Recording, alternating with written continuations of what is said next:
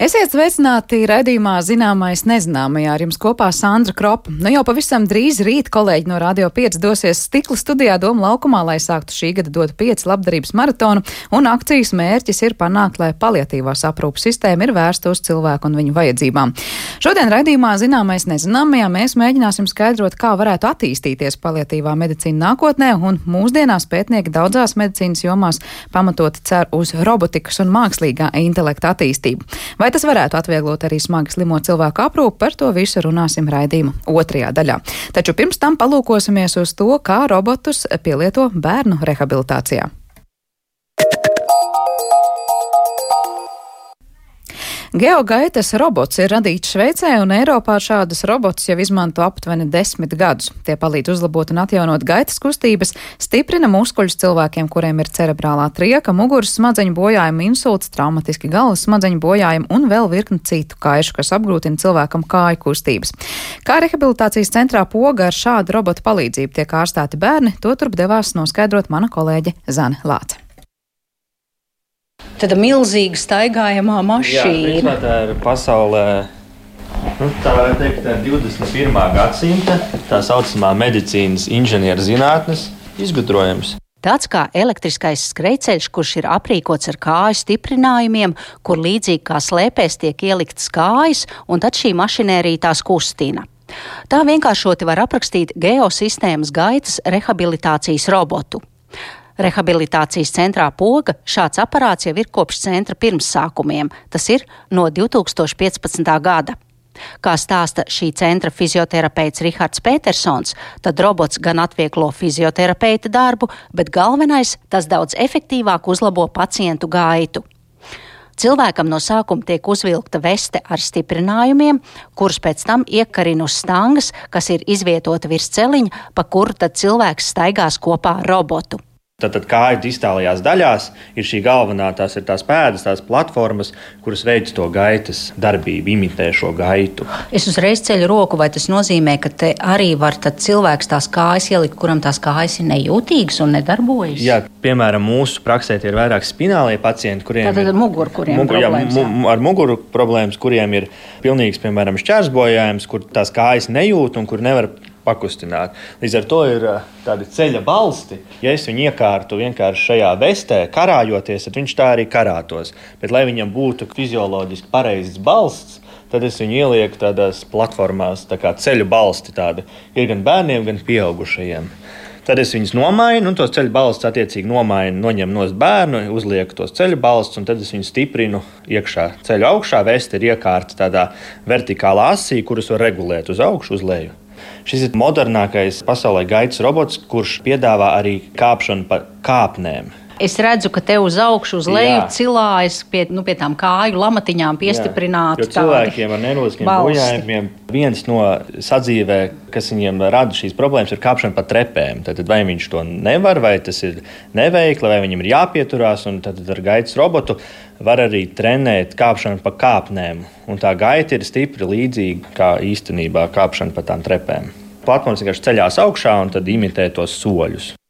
Šādā nodarbībā tiek stimulēti ne tikai kāju muskuļi, bet pateicoties tam, ka darbības tiek veiktas atkal un atkal neskaitāmas reizes, smadzenēs veidojas impulsi, kas nodrošina to, ka pacients pēc šī kursa atceras vai iemācās kādas kustības no jauna. Pēdējās desmitgades laikā ir izpētīts, ka smadzenes var mācīties visu mūsu mūžu, gan jaunas kustības, gan kaut ko iemācīties, kas ir zudis sakarā ar kādu neiroloģisku slimību. Līdz ar to, jo vairāk veids vienveidīgu darbu, jo lielāks iespējas atjaunot vai uzlabot funkciju. Tāpēc šī nodarbība iet stundu. Stundu viņš dara vairāk vai mazāk vienu un to pašu. Tad nervu impulsi sūtās vienu un tie paši un visu laiku uz apli. Līdz ar to viņam ir iespēja iemācīties ne pa vienu reizi, bet noteikti pa trīs nedēļām viņš iemācās vai nu nostiprina jau esošo savu funkciju, nu, piemēram, bērns nevar nostāvēt bez turēšanās, piemēram, kājās, tad viņš iemācās kaut vai vienu vai divas sekundes nostāvēt kājās, bet tas ir eh, iet roku rokā ar fizioterapiju. Tad, tad pētījumos arī rakstīts, ka ne fizioterapija viena, ne robots viens nedod tādu efektu, kā apvienojot abas terapijas kopā. Tāpēc arī ir šie intensīvie kursi, kur bērns katru dienu saņem stundu robotu. Līdz ar to nu, tas viss kopā dod to rezultātu, tā intensitāte. Tad robots staidzina pacientu, bet tajā pašā laikā te ir vairāki krāsaini vadi, vai kaut kur tiek piestiprināti trodīvi tam pacientam. Jā, robotā tā... ir vairāki režīmi. Tad robots piedāvā vispār trīs funkcijas. Ar viņu var staigāt pa līdzenu virsmu, ar viņu var kāpt pa trepēm Un tad ir arī svarīga funkcija, ir izolētas kustības. Tātad, lai vispār atjaunotu cilvēkam gaitu, ir vajadzīgas pats sākums, ir izolēt, piemēram, pašu pirmo solīti, kā izliekās uz priekšu un pārnesās svars. Tā ir viena no gaitas cikla daļām.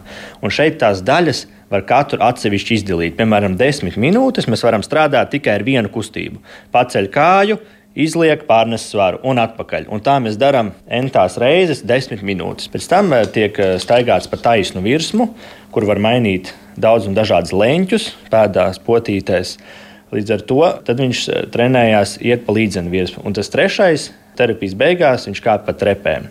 Plus tam visam vēl var pielikt elektrostimulāciju. Tad inženieri ir aprēķinājuši pēc gaitas cikla daļām, kāda muskuļi iesaistās. Līdz ar to katrā gaitas cikla daļā ir vajadzīgs tas fizioterapeits, kas skatās un vērtē, pie kura muskuļa ir vajadzīga šī stimulācija. Tā ir elektrostimulācija, kur ir pielikta elektrodi, pievienot šos krāsainos vadus, un tad konkrētajam muskulim, kur nu ir uzlikts šis elektrods, tiek dots tā, tā, tā, tā no elektro... aplikācija, tā kā tad, kad cilvēkam tā ir kardiogramma. Jā, līdzīgi. Jā. Jā. Pieliek lipekļi, jā, pie jā, lipekļus pie jā. rokām, kājām vai nu kur citur. Principā pie kājām. Pie kājām. Šis ir jā, gaitas. Jā, un ko tad dod šis aparāts? Tā, konkrētais... tā ir kā fizikālā terapija. Konkrētā brīdī, piemēram, kad pēda tiek celta augšā, mums strādā apakšstilba priekšējās daļas muskuļi. Un tad, ja bērns staigā uz pirksgaliem, tad šeit tiek pielikta elektrostimulācija. Tad šie elektrodi pieliek uz apakšstilba priekšējās daļas muskuļiem, un bērns jūt, ceļot to pēdu augšā tieši tajā momentā, kad tas notiek, tiek iedots elektrisks impulss, un bērns jūt tā kā tādas skudras, tā mēs viņus saucam un viņš zina, ka tā pēda ir jāceļ augšā. Viņš var labāk saprast, ko mēs no viņa gribam. Šajā brīdī mēs sarunu pārtraucam, jo uz nodarbību ir atnākusi mazā Luīze, kurai ir viegli kustību traucējumi. Roberta kolēģis meitenei uzvelk minēto vesti un sagatavo robotu darbam. Viņai uzvelk vesti, tad fizioterapeits uh, piestiprina attiecīgu izmēru tai vestei. Viņa ir regulējama vai nu platāk vai šaurāk. Meitene turās pie līdztekām, lai tas būtu vieglāk uzvelkams. Tad meitene fizioterapeita pavadībā dosies augšā un tiks piekārta tai vertikālajai asī. Te var redzēt, kā viņa dodas augšā. Nu, var redzēt, ka viņai ir jāsteigā uz pirksgaliem. Uz pirksgaliem jā. Jā. Tagad pieturās meitene pie, pieturās pie rokturiem pie robota, pie rokturiem, un tad viņi uzkarinās tajā asī un pacels attiecīgi nedaudz augšā. Tā ir, kā zinām, arī drošība, jo nu, visam ir jābūt drošam.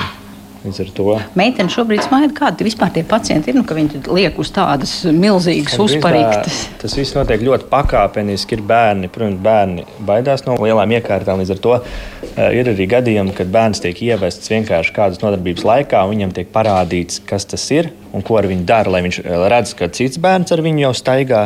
Līdz ar to bērnam rodas priekšstats, un tad nākamā reize, kad viņš ienāk šeit, tas ir uh, vienkāršāk uzlikt viņu un bērns nesabīstās. Un tagad arī meitenes kājas tiek ieliktas tajās tā kā it kā slēpju. Tur ir stiprinājumi un kājas tiek iestiprinātas šajās gaitas platformās, kur arī veids šo galveno kustību, mm. simulē gaitu. Trīs režīmi. Ir pasīvi, kad robots eh, pats vada šīs platformas, kad bērnam ir tikai jāiet līdzi šim robotam. Tad ir otrais režīms, ir asistējošais, kad bērns pats var iet, uzsākt šo soli un pats staigāt. Kas šobrīd notiek? Šobrīd viņa ir uh, ieslēgts uh, pasīvais režīms, un viņa iet uh, pa taisnu virsmu. Rokas ir balstā no priekšpuses, Tāpēc, lai tiek aktivizēta nedaudz priekšējā ķēde, nu, teiksim, tā vēdera presa, lai tas ieguns ir stabilāks un lai viņa nešūpotos tik daudz uz sāniem.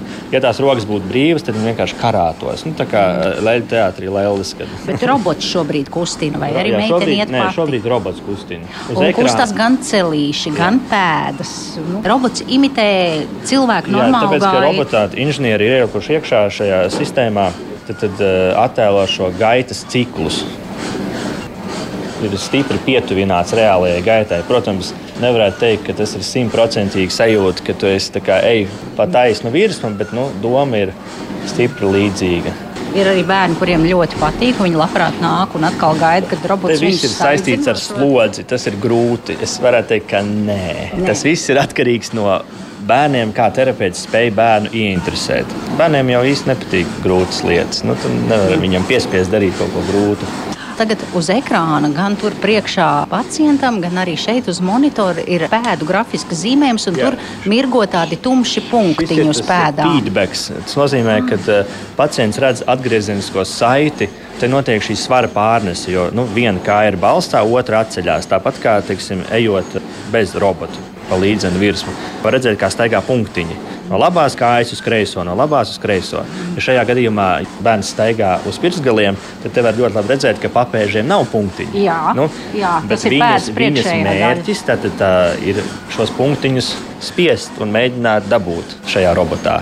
Vai meitene zina, kad jāparādās punkti? Jā, viņi noteikti to zina. Tāpēc mēs bieži vien līmējam uz ekrāna dažādas uzlīmes uz papēžiem, mēģinām kaut kā jautrāk to visu padarīt. Piemēram, dinozaurs nes akmeņus vai vai bruņurupucis stiep kaut ko smagu uz muguras, un tad tie ir tie akmeņi, un viņiem ir jāspiež šīs kājas lejā. Ļaujam Luīzai kopā ar robotu turpināt nodarbību un izējam gaitenī, kur jau citi bērni gaida savu kārtu pie fizioterapeita vai robota. Lai arī pagaidām nav vēl veikti sīkāki pētījumi, cik ļoti šāds robots uzlabo pacientu rehabilitāciju, tomēr testi, kas ir veikti pēc šīm nodarbībām, liecina, ka moderno tehnoloģiju devums ir ļoti nozīmīgs. Bērniem ar neiroloģiskiem bojājumiem eh, rehabilitācija ir visas dzīves kvalitāte. Un, kā zināms, bērnu cerebrālā trieka tā nav ārstējama slimība. Ir uh, svarīgi mērķis veicināt, lai būtu pēc iespējas lielāks neatkarības līmenis ikdienā. Tātad kustība, neatkarība un uh, manipulācija rokām, staigāšana, stāvēšana un uzlabot, uh, lai bērns pēc iespējas sasniedz augstāku funkcionālo līmeni. Tātad, ja bērns šobrīd staigā ar palīglīdzekļiem, piemēram, rokas kvadripodiem, iespējams, ka viņš nākotnē var pārvietoties bez. Bet vai tas notiek pēc vienas fizioterapijas? Nē, tas notiek gadu laikā. Un tādā ziņā, ka tas nav viens kurs, tas ir dzīves garumā rehabilitācija. Pēc viena kursa parasti var iegūt kaut ko, vai nu uzlabot, ko viņš nevar. Pavisam smagiem bērniem varbūt viņš ir sācis vēlties, ko viņš nav darījis iepriekš varbūt bērns ir spēris pirmos soļus eh, patstāvīgi, bez jebkādām palīgierīcēm. Piemēram, meitene ir gājusi ar kvadripodiem, tie ir tādi kā spieķīši parastākā valodā. Pēc diviem, trim kursiem viņa var jau no šiem kvadripodiem nolikt viņus nostāk un sākt staigāt bez. Kaut arī tie kvadripodi joprojām paliek kā ikdienas pielietošanā, bet viņi var mācīties staigāt pati bez kādām palīgierīcēm. Par geogaitas robotu, kas palīdz kustību uzlabošanā bērniem, stāstīja rehabilitācijas centra poga fizioterapeits Rihards Petersons, un ar viņu tikās mana kolēģe Zana Lāca. Bet raidījuma turpinājumā mēs pievērsīsimies sarunai par to, kā tad plašākā nozīmē mākslīgais intelekts un robotika var ienākt tieši palietīvajā aprūpē.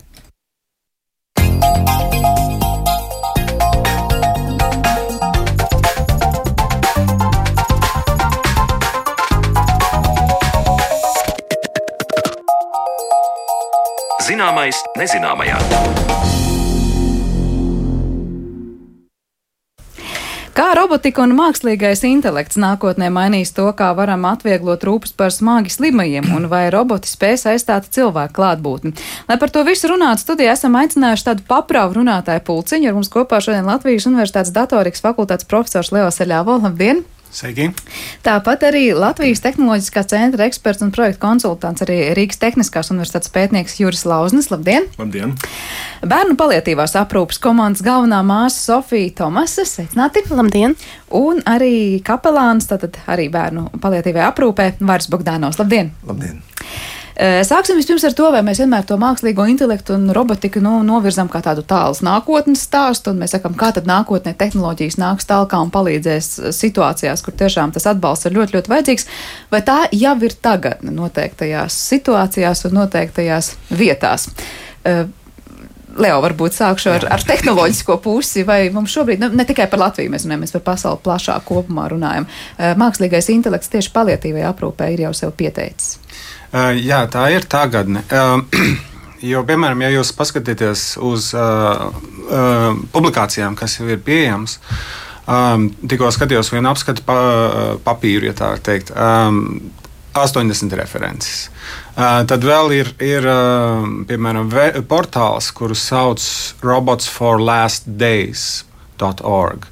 Uh, un tajā arī ir vismaz 200 dažādi informācijas avoti, kā robotika un mākslīgais intelekts tiek, tiek pielietots. Nu, Šā, nu, pēdējās dienās, ja jā, tieši pēdējās teikt. dienās, ne tikai paliatīvajā aprūpē. Un, un ir, ir arī dažādi projekti, dažādi robotiņi, eh, kas jau tiek izmantoti tagad, tā skaitā arī bērniem, kā rotaļlietas, kas palīdz viņiem gan, gan noņemt stresu, gan arī varbūt mazināt uh, tos, tos psiholoģiskās, varbūt kaut kādas sāpes vai, vai problēmas. Tie robotiņi, kas tajā mājaslapā jau ir uzskaitīti, tie ir tādi jau esoši produkti strādājoši, vai tās ir nākotnes ieceres un kaut kas, kas vēl ir izmēģinājums stadijā vai kaut kur tikai plānot? Uh, tur ir gan, gan um, gan, gan perspektīvā par to, kā varētu būt nākotnē runāts, gan arī tas, kas jau ir pieejams. Tiksim, vienu, ko mēs varam pieminēt, ir tāds paro ronītis, kurš ir kļuvis diezgan populārs pēdējā laikā. Viņu tieši tā arī var atrast, ja kādam interesē vairāk ko uh, meklēt. Paro terapeitiskais robots. Un viņš arī ir domāts tāds kā rotaļlietu bērniem. Ko tas dara īsti? Vai kā tas funkcionē? Nu, tam, tur jāpieskarās, jāpaglauta tas ronis, lai viņš iedarbotos, vai viņš pats par sevi saprot, kurā brīdī jāsāk aktīvi ārstēt. Nu, viņš cenšas reaģēt. Iedomāsimies, ka mums mājās ir kaķis. Un, un ko kaķis dara? Varētu jautāt līdzīgi. Vienīgi, nu, kaķis ir dzīva būtne, un nevienmēr tu vari paredzēt, ko kaķis ko viņš dara. Grib, to viņš, viņš dara. Kaķis reizēm arī ieskrāpēs tev. Uh, nu, tad šis robotiņš paroņš cenšas reaģēt uz, uz to, kā kāds cilvēks izturās pret viņu un cenšas dot viņam kaut kādu komfortu, varbūt, varbūt kā uh, kustēties, reaģēt it kā ar prieku viņš būtu, vai arī uh, ir, ir citi risinājumi. Esmu redzējis izstādēs viedos spilvenu, iedomājamies robots spilvens, kurš ļauj vieglāk te iemigt vai nu ar kaut kādu audio palīdzību, vai arī ar, ar vibrāciju. Nu, iedomājams, atkal kaķis mūrā tev blakā. Nu, it kā miers un, un, un daudz labāk varbūt sajūta ir. Piesauktais ronīts un arī snobs pilvēns jebkuram gadījumam varētu noderēt, bet tas tomēr liek domāt vairāk tā kā tas ir bērnu uh, pacientiem domāts tā kā bērniem, vai tie roboti, kas tur ir jau šobrīd kā tagadne, tas ir visām vecuma grupām, un tas varbūt gan palīgi, es nezinu, staigājot vai pieceļoties vai kā citādi. Noteikti visām vecuma grupām, un tas klāsts par robotiku ir ļoti plašs patiesībā, jo tas, ko mēs iesākam runāt par kaut ko tādu, ko mēs varam pieskarties un aptaustīt, tas ir tikai viens. Ir roboti, kas palīdz medicīnā, kas palīdz domāju, piemēram, ķirurģijā. Ir roboti, kas palīdz ar handlingu cilvēkiem, tīpaši arī palātīvā aprūpē, kas, kas palīdz gatavot zāles. Un tad ir tie, tās tehnoloģijas, kā mākslīgais intelekts, kuru tu nemaz tā nepasatausti, bet kas apstrādā, analizē datus un arī piedāvā kaut kādus lēmumus. Vai, vai, piemēram, mēģina uzturēt sarunu ar, ar cilvēku, ja cilvēkam gribās izkritīt sirdi. Bija viens cits pētījums no MIT, starp citu, kur atklājās, ka cilvēks bieži vien daudz vairāk uzticās tādam bezpersoniskam, varbūt robotam, nekā citam cilvēkam. Un arī tad viņam iznāk vairāk tie, tie, tie iekšējie noslēpumi vai pārdzīvojumi ārā, un tas padara viņam vieglāk. Varbūt. Tas ir interesanti, jo parasti piesauc to, ka nu, ja tur pretim ir tas nedzīvais cilvēks, ka visticamāk tā nav nedz īsta saruna un nevar neviens aizstāt to Jā. īsto uzticības personu pretim. Es jautāšu jums, kas varbūt ikdienā strādā ar, jūs gan vairāk ar bērnu tieši palietīvu aprūpi esat nodarbināti, nu, tāds robots asistents varētu aizstāt cilvēku? Man pagaidām grūti iedomāties, ka kāds robots vispār var aizstāvēt mūsu darbu, jo mums ir ļoti atšķirīgs darbs, piemēram, ar varbūt klasisku tādu medicīnu. Ja, ja mums pirmkārt iet empātija, silta roka, dzīves acu skātiens, un nevienmēr mēs darām visu pēc algoritma. Jā, jo vienmēr vajag tādu individuālu pieeju, vienmēr vajag izanalizēt to situāciju, un kad tu nonāc ģimeni, kad tu sāk runāt ar bērnu, tad, protams, ir vecāki, ir brāļas un māsas, un, nu, nevienmēr izdodas kā vajag, jā, kā vajadzētu, kā mēs prognozējam. Jā, mums nu, nav neviena gadījuma, kas ir simts pret vienu. Jā. Ir viņi ļoti atšķirās, viņi ir ļoti dažādi un jābūt tai pieredzei. Uh, tai var būt empātija iekšēji kaut kā, lai sajust, ka ko tajā brīdī tieši vajag teikt, vai izdarīt, vai vienkārši paskatīties, varbūt apklusi. Nu, man grūti iedomāties, ka roboti varētu tā, cik daudz algoritmu tur viņam varētu būt galva, nezinu. Bet uz kaut kādu konkrētu darba pienākumu jūs redzat, ka tas būtu palīgs jūsu darbā? Jā, es ļoti ceru, ka mums nākotnē būs tā, ka mums varētu palīdzēt tieši ar pacientu pārvietošanu, pacelšanu, jā, jo tas patiešām atvieglos gan radniekiem, gan vecākiem, gan mums māsas. Uh, Jā, varbūt uz tā, varbūt kaut kādas automatiskas, nezinu, atskaites pieprasījums, tas organizatoriskas lietas varētu darīt vieglāk un nevarētu tur aizņemt cilvēku. Un mēs tieši varam nodarboties tikai ar pacientu aprūpi mm -hmm. un ārstēšanu. Droši vien arī piebildes par to, ko es, var un ko nevar, un ko sagaidat jūs no robotikas jā. pasaules. Es domāju, ka tieši tas, ko Sofija jau minēja, tas arī varētu būt tas uh, būtiskākais. Jo, no, um, mums nav tādas standarta situācijas. Jā, viņas ir praktiski katra ir nu, viņu unikāla. Mm, ko es nezinu, var jau būt, ka Bet es šaubos, ka to varētu visu aprakstīt algoritmā, kādā veidā tas viss varētu notikties. Bet tas, ko Leo tikko teica, ka vienkārši tā uzklausīšana, ja es saprotu, bija tā izmērītā mm. funkcija, ka cilvēks jūtas labi tajā brīdī, viņš vienkārši izstāsta. Varbūt viņš pat nespēja uztvert, vai pretim ir kāds, kurš reāli klausās vai neklausās. Nu, jā, bet lai arī kāda būtu tā mašīna un, un, un, un elektronika, viņa nekad nevarēs aizstāt otru dzīvu cilvēku. Un tas ir tas uh, būtiskākais, uh, kas. Uh, Un es arī domāju, ka nevajag aizstāt jā, viņu, jā. Bet, bet viņi var daudz palīdzēt. Kā atvieglojoši, jā, jā dažādas, kur tur, kas jau tagad jau ir, jā, kur ir dažādas šīs veidi, kur ir, mm, piemēram, mikroķirurģijā, ko es arī dzirdēju, kur ir kur ir robots, kurš ļoti precīzi veids, bet arī standartizētas. Jā, jā, jā es vairāk domāju par šiem jā. robotiem, ko arī piesaucam. Mēs bieži dzirdam, jā, šis jā. ir varbūt runājošais robots, tāpēc, ka iespējams tas jā. būs palīgs cilvēkam, kuram tur vajag uzklausīt, vai kuram ir vientuļi. Un tad ir jautājums, vai tajā brīdī tāds robots, kurš spēj uzklausīt, vai pat arī atbildēt, ir reāls palīgs tajā situācijā, kad varbūt pretim tur, nu, jebkurā gadījumā būtu jābūt īstam cilvēkam, kurš spēj vai nespēj sadzirdēt sakāmo. Es eh, negribu teikt, ka tam ir obligāti jābūt robotam, kas tev klausās un atbild. Kaut gan nu, tas mūsdienās ar vien vairāk ienāks. Mums arī patiesībā mājās ir tāds Alexa robotiņš, ar ko mēs viņam varam uzprasīt, viņam, nu, piemēram, cik ir uh, zemes diametrs, ir īpaši bērniem, kas ir nepieciešams skolai vai kā. Bet nāk prātā viens cits pētījums, kur uh, tika pētīts tieši šāds te. Nu, faktiski stāsts nāk, ir drusku garāks. Laika mums nav, bet uh, ir uh, viens da uh, dakteris uh, Amerikā, kurš taisn bija strādājis paliatīvajā aprūpē.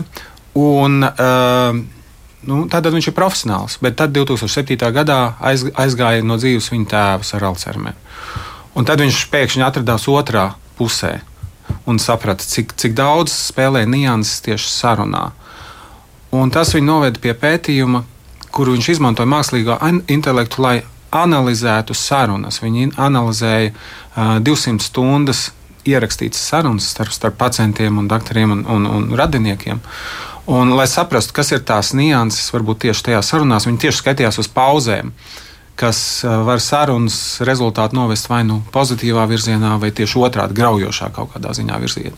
Un viens no momentiem bija pauzes, kad viņi skatās, bieži vien, ja ir ilgāka pauze, nu, tas ir neveikli un, un tur nav labs rādītājs. Bet tajā pašā laikā viņi atrada, ka apmēram 3,2% gadījumā bija tieši kaut kādas konkrētas pauzes, kas sekoja citiem apstākļiem, kas noveda to paz, sarunu pozitīvā gultnē.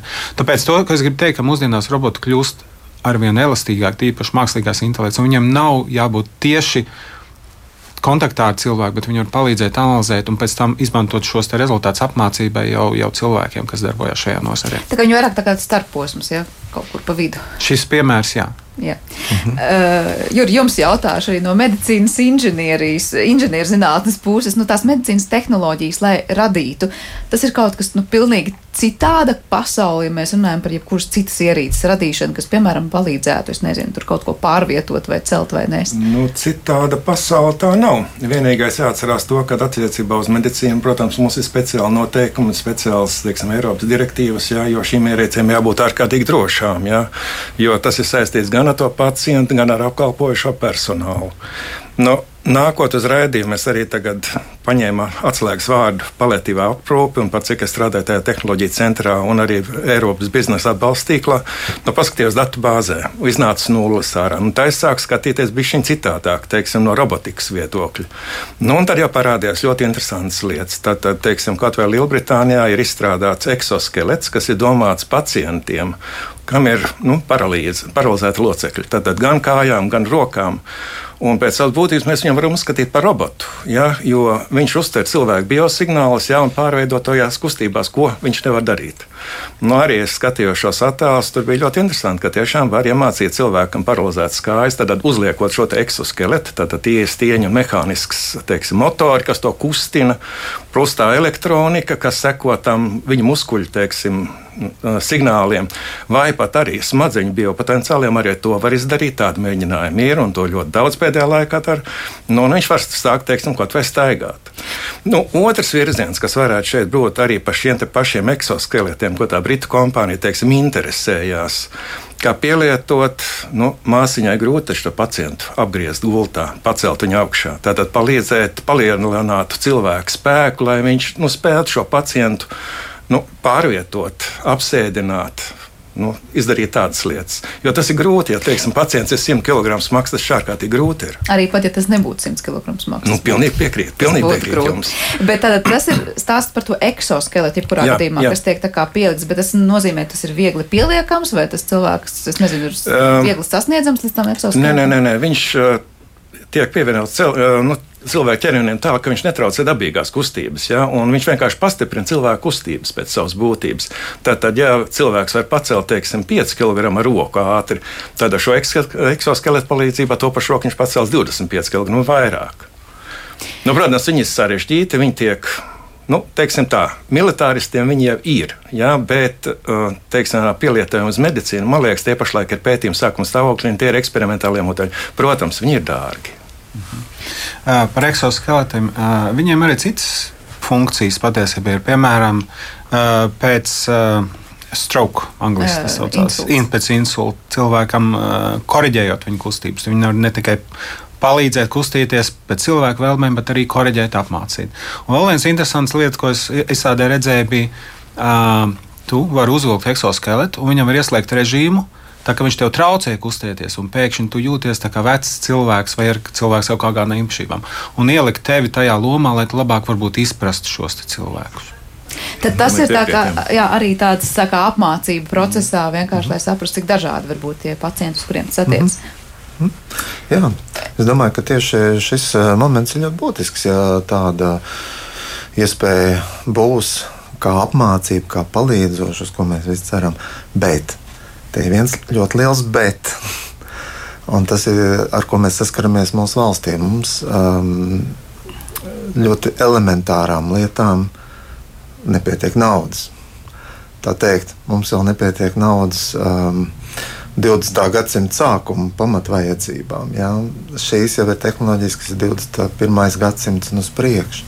Tā kā jūs saprotat, tas būs vēl kaut kāds liels un tāls sapnis? Tas uz doto brīdi šī nu, ir medicīnā, jā, tas mums ir sapnis, domas lidojums, ka būtu šīs tehnoloģijas, kas palīdzētu gan māsām, gan ārstiem, gan citiem speciālistiem kaut kādā veidā labāk sagatavoties, labāk paveikt kādas funkcijas, labāk kaut arī šis. Um, analizēt kaut kādas sarunas, un izvilkt tās kļūdas un sagrupēt. Ja? Tas, tas viss, jā. Nā, tas ir ļoti ne, nu, labi. Protams, ka šobrīd ir izcili.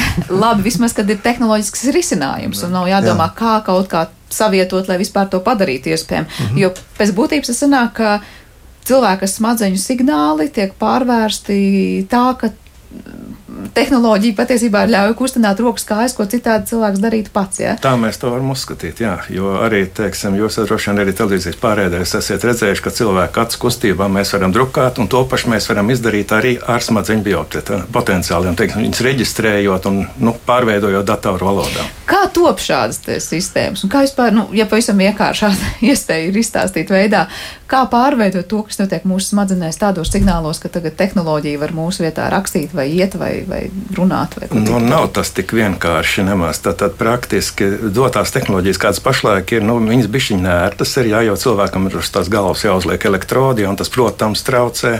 No, elektro, no tiem elektrodiem tiek saņemti signāli, kas tiek pastiprināti. Tātad nu, datorsistēma viņus analizē un mēģina izdalīt teiksim, tos signālus, kas atbild par konkrēto funkciju veikšanu. Nu, tad nosūta teiksim, caur atkal citu datorsistēmu uz izpildu mehānismiem. No nu, tādā veidā īsi izstāstot. Parasti tas ir ļoti garš. Tas ir liels datu apjoms vai ne? Uh, jā, tur ir jābūt tiešām ātrdarbīgam datoram, lai veiktu šos pārveidojumus visus un analīzes. Mhm, jā, nu, es teiktu, jā, ka ir, ir, ir gan vienkārši, gan sarežģīti gadījumi. Teiksim, vienkāršā gadījumā jūs varat uzlikt uh, sensoru uz teiksim, rokas vai arī kaut kur augstāk nedaudz, kurš uztvers tos signālus, ko smadzenes sūta muskuļiem.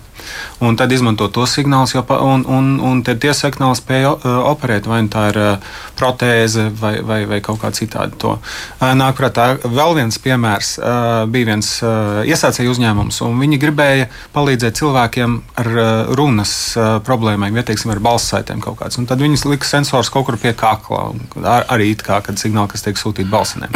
Tā kā tas ir tāds, nu, kā relatīvi vienkāršs risinājums, ko var mēģināt jau. Sarežģītāk risinājumi atkal jau pie tām pašām protezēm ir, ka cilvēkiem iestrādā jau smadzenēs simtiem elektrodus mazā ļoti apjomā, un tad tam cilvēkam ir jāmācās lietot šo saskarni ar, ar savu vai nu roku mākslīgo, vai kas nu tas ir. Tā, tas nav tāds tikai ieslēdz un gatavs. Tur arī cilvēkam, pašam pacientam jāpiestrādā. Arī par tām citām bija piebilde tehnoloģijām runājot. Ah, jā, jā, uh, attiecībā par tiem uh, smadzenēm, jā, tas ir tiešām redze un dzirde tajā virzienā pašlaik strādā. No nu, attiecībā uz tiem muskuļiem, jā, visas bio, bioniskās protēzes tādā veidā darbojās, ja, kad mums liek šos elektrodiņus, un cilvēkam, protams, ir jātrenējās.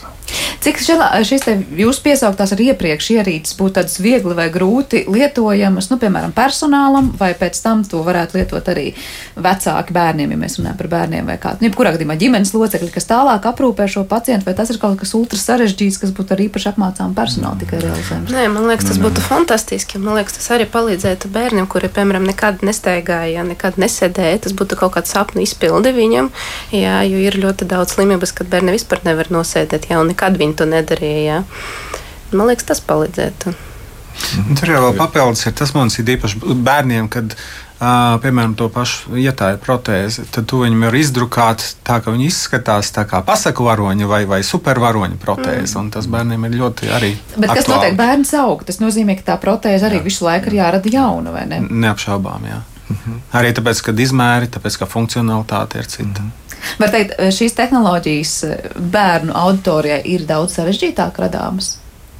Um, es neteiktu sarežģītāk vai vienkāršāk. Es teiktu, ka tur, tur nāk klāt. Uh, nu, varbūt drusku citi speciālisti vai, vai citi profili speciālisti. Jo, teiksim, nāk klāt psihologs bērnam. Visi tie, kas māca ar bērniem strādāt, kas saprot bērnu pasauli un kas var palīdzēt viņiem. Mums bija atrakstījis jautājumu, labi ir domāt par tehnoloģijām un tās izmantot. Jautājums ir, kādi kriteriji ir, lai spriestu, vai cilvēks, kam tas ir domāts, jūtas labi labāk un nav šīs tehnoloģijas piedēklis, vai tiek strādāts arī pie vienkāršākām tehnoloģijām. Divi jautājumi vienā, tad vispirms par to, kā cilvēks jūtas ar to, ka viņam kaut kas tiek apkārt likts, radīts vai kā citādi, vai, vai viņš jūtas labāk, vai viņš jūtas tā kā tehnoloģijas pagarinājums. No vienas puses liekas, nu, ja viņš nestaigā nekad un pēkšņi var staigāt, Tas varētu jūtas labi. Labāk, jā, bet vienmēr vajag uzjautāt, ko patiešām cilvēki grib ar tiem sensoriem. Varbūt mēs varam uzzināt, ko bērni, kuri nerunā, jā, un ko viņi domā. Man liekas, tas būtu patiešām kaut kāds pārsteigums visiem. Jā.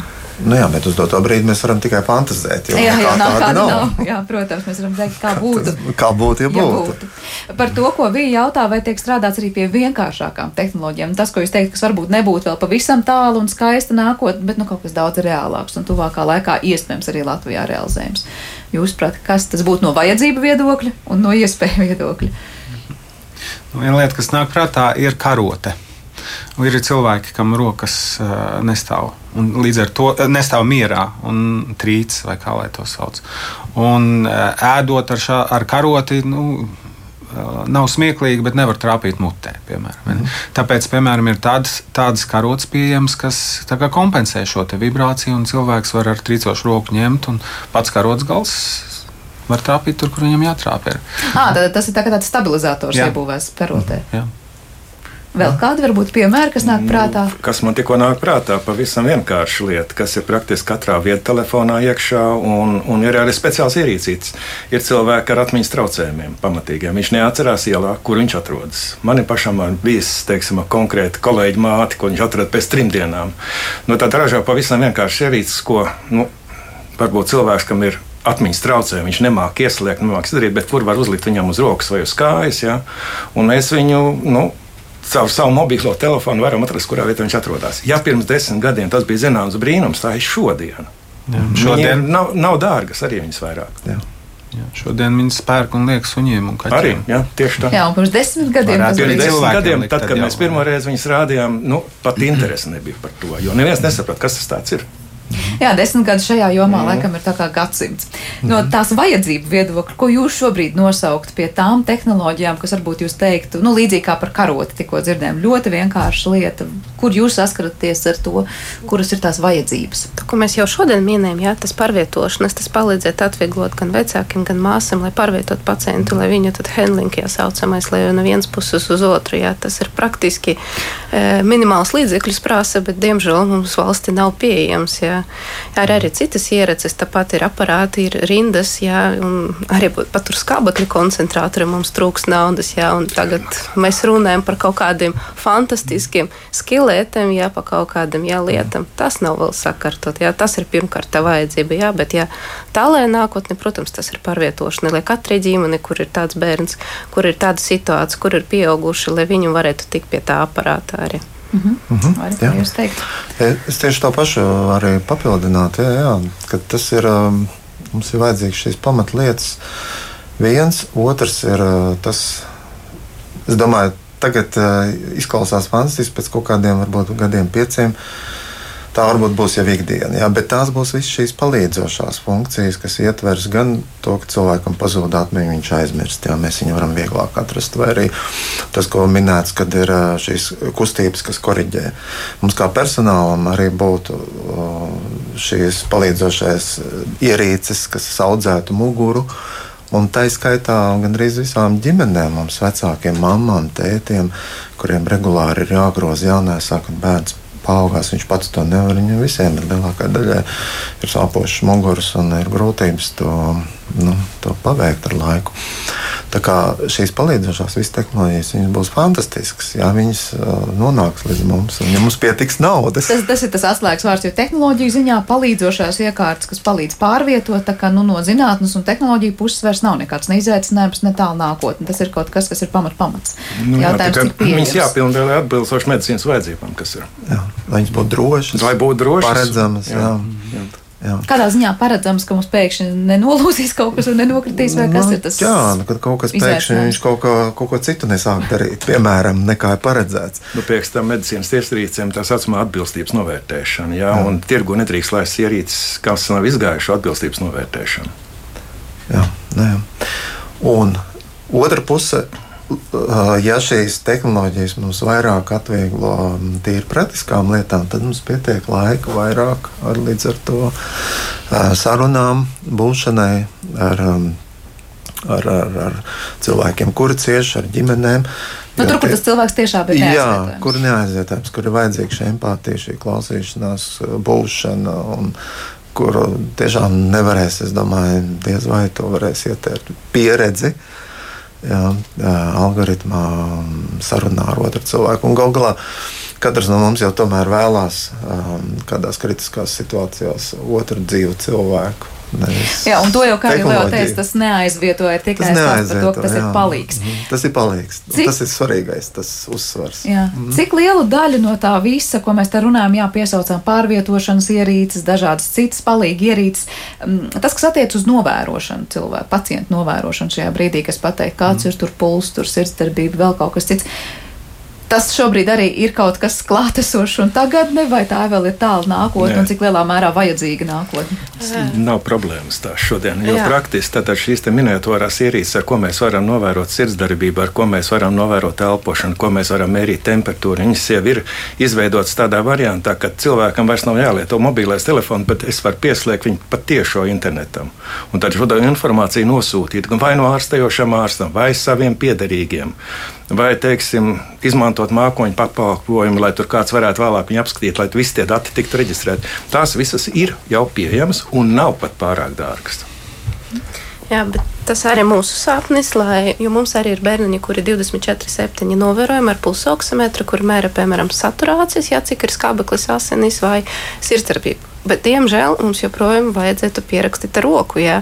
Un mēs nekā attālināti sēžot, piemēram, slimnīcas telpās, mēs nevaram redzēt, kas notiek ar pacientu mājas. Jā. Tas būtu labi, ja mēs varam caur Wi-Fi vai GPS signālu redzēt, kas tur Kur ir. Šobrīd ir tā problēma. Tas ir tikko teicāt, tas nav pat pārāk dārgi. Tas atkal ir finanšu jautājums. Es domāju, tas atkal ir finanšu jautājums, arī tehniskais jautājums. Jā. Mhm. Nu, šobrīd tāda ierīce, kas patiesībā ļoti neinvazīvi strādā, tā ir ierīce, ko, ko uzliek zem matrača, pat nevis zem palaka, bet vēl zem matrača. Maksā apmēram 300 saņemt naudiņas. Un tas rezultāts ir tāds, ka eh, nepārtraukti tiek monitorēts gan sirdsdarbība, gan kustība, gan elpošana šim pacientam. Viņi ir neinvazīvi. Tas nozīmē, ka nav jāliek nekādas aptrūces, nekas tāds. Un, un tas viss tiek saglabāts mākonī. Un, kā, un, un ir iespējams arī teiksim, uh, nu, slimnīcas uh, vidē ka tiek sūtīts kaut kāds trauksmes signāls. Jo jau pieminētais tas, ka cilvēks vajag, vajag grozīt, viens no iemesliem ir izgulējumi. Ja viņš visu laiku guļ vienā virzienā, tad, tad tas nav veselīgi. Un tad šāda sistēma var monitorēt, vai viņš guļ pārāk ilgi vai nē. Tas, tas, tas ir šodien pieejams jau. Tad te bija stāsts vairāk par to infrastruktūru kopumā, ja tālāk, jā. cik atkal Latvijā. Diemžēl šī, šī ierīce mums nav pieejama, jā, mm. mums ir parastais pulsa oksimetrs tikai pieejams, bet mm. kurš tur signāls izvērtē, nē, bet ir vecāki, kuri ļoti grib palīdzēt savam bērnam, un viņi pirk tādas par savu naudu. Jā, bet valsts, mm -hmm. diemžēl, tas nav apmaksāts. Tas jā. nav iekļauts NVD. jā. Mm -hmm. nu, jā, mēs šeit varētu daudzus piemērus atrast, kur tehnoloģiski un zinātniski risinājums ir, bet mm. savukārt atkal klupšanas akmens ir joprojām piesauktās finanses. Noslēdzot šo sarunu, vai mums ir kaut kas tāds, kas Latvijā tiek pētīts, darīts, strādāts, vai mums Latvijā ir kaut kāds, nu, labais, ko mēs varam iedot visai šai industrijai kopumā, kas pasaulē attīstās, kā mēs noskatām gan straujiem soļiem, lai attīstītu šīs tehnoloģijas. Noteikti, es domāju, tāpēc arī mēs šeit esam. Jā, vai ne? Jo es sapratu, ka Leo vismaz noteikti ar saviem gudriem sensoriem daudz ir strādājis arī jūs ar medicīnas tehnoloģijām. Konkrēti ar sensoriem, tiem dažādiem, lai varētu reģistrēt, teiksim, un pārraidīt cilvēku, teiksim, biosignālus lielākā attālumā. Nu, to dara Rīgas Tehniskajā universitātē arī. Un arī elektronikas institūts būtu pieminams, arī, kur, kur man piekrīt. gan labi paziņas kolēģi strādā pie, pie sensoriem. Tas varētu būt tās Latvijas veiksmes stāsts vai nu, tā puse. Mēs parasti sākam, jā, mums ir labas iestrādes robotikā, kas, protams, ir lielā mērā mm. saistīts arī ar šo visu. Tā ir tāda vieta, kurā mēs varam teikt, mēs ejam ar vienā solī ar pasaules lielu valstu. Tas, ko es kopā. gribu teikt, ka mums vajag investēt šajā virzienā, jo kaut arī, jā, mums nav vēl visiem varbūt gudrās karotes vai vienkāršās vai, vai sensoriņi, bet ja mēs neinvestēsim nākotnē, tad mums būs uh, grūti. Uh, ja mēs investēsim, tad mēs varam konkurēt. Es, man labāk patīk vārds sadarboties, nevis konkurēt ar pasauli šajā jomā. Tad galvenais sadarboties, lai ir ko piedāvāt. Jā, es, mums ir noteikti. Tātad tas ir priecīgs ziņa, ka mums Latvijā arī no zinātnes puses ir ko piedāvāt. Es saprotu no tās reālās puses, kas ir lietotāji, tur mums ir daudz klupšanas akmeņu, bet tās lietas, kuras ir vajadzīgas šajā nozarē, ir pavisam konkrēti jūs prāt iezīmējums. Nā, ļoti gaidām viņus. Jā, un es pilnīgi piekrītu, ja mēs investējam savā attīstībā, tad mums nav jāpērk no citiem, bet, ja mēs to nedarām, tad mēs pirksim no citiem un briežam pat lielāku naudu. Jā, un līdz ar to investējot šajā gadījumā, uh mhm. -huh. šajā zinātnes sektorā, mēs jā. atkal iegūtu palietīvai aprūpei. Jā, tas atnāk jā. atpakaļ. Un kāpēc ne Latvijā kaut ko izdomāt pirmie. Mazs piemērs, ja ir vēl mākslīgais intelekts. Es domāju, ka jāinvestē visām. Arī mūsu valstī šajā virzienā. Un piemērs ir tāds, ka, piemēram, ASV ir trīs galvenie iemesli, kāpēc cilvēki mirst à, no veselības viedokļa. Viens ir sirds problēmas, à, un otrs ir tāda. Me, Vēzis, protams, un trešais ir cilvēciskā kļūda, ko pieļauj ārsti.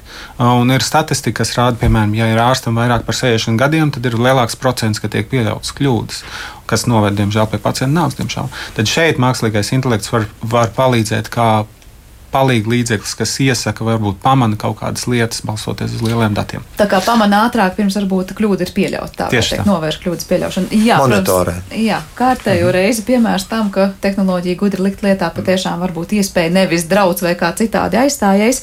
Lielas paldies jums par šo sarunu. Latvijas Universitātes datorikas fakultātes profesors Leos Aļāvo, kā arī Rīgas Tehniskās Universitātes pētnieks Juris Lauznes, bērnu palietīvās aprūpas komandas galvenā māsa Sofija Tomas un kapelāns Vāris Bogdanovs šajā kompānijā bijām kopā pa- šajā raidījuma pusstundā. Ar to arī raidījums ir izskanējis, par to parūpējās producents Armīta Kolāte, Girds Bišs, mūzikas redaktors šai stundai, Mārtiņš Paigls bija skaņrežijā un Sandra Kropa studijā. Mēs tiekamies atkal rīt šajā pašā laikā. Visu labu!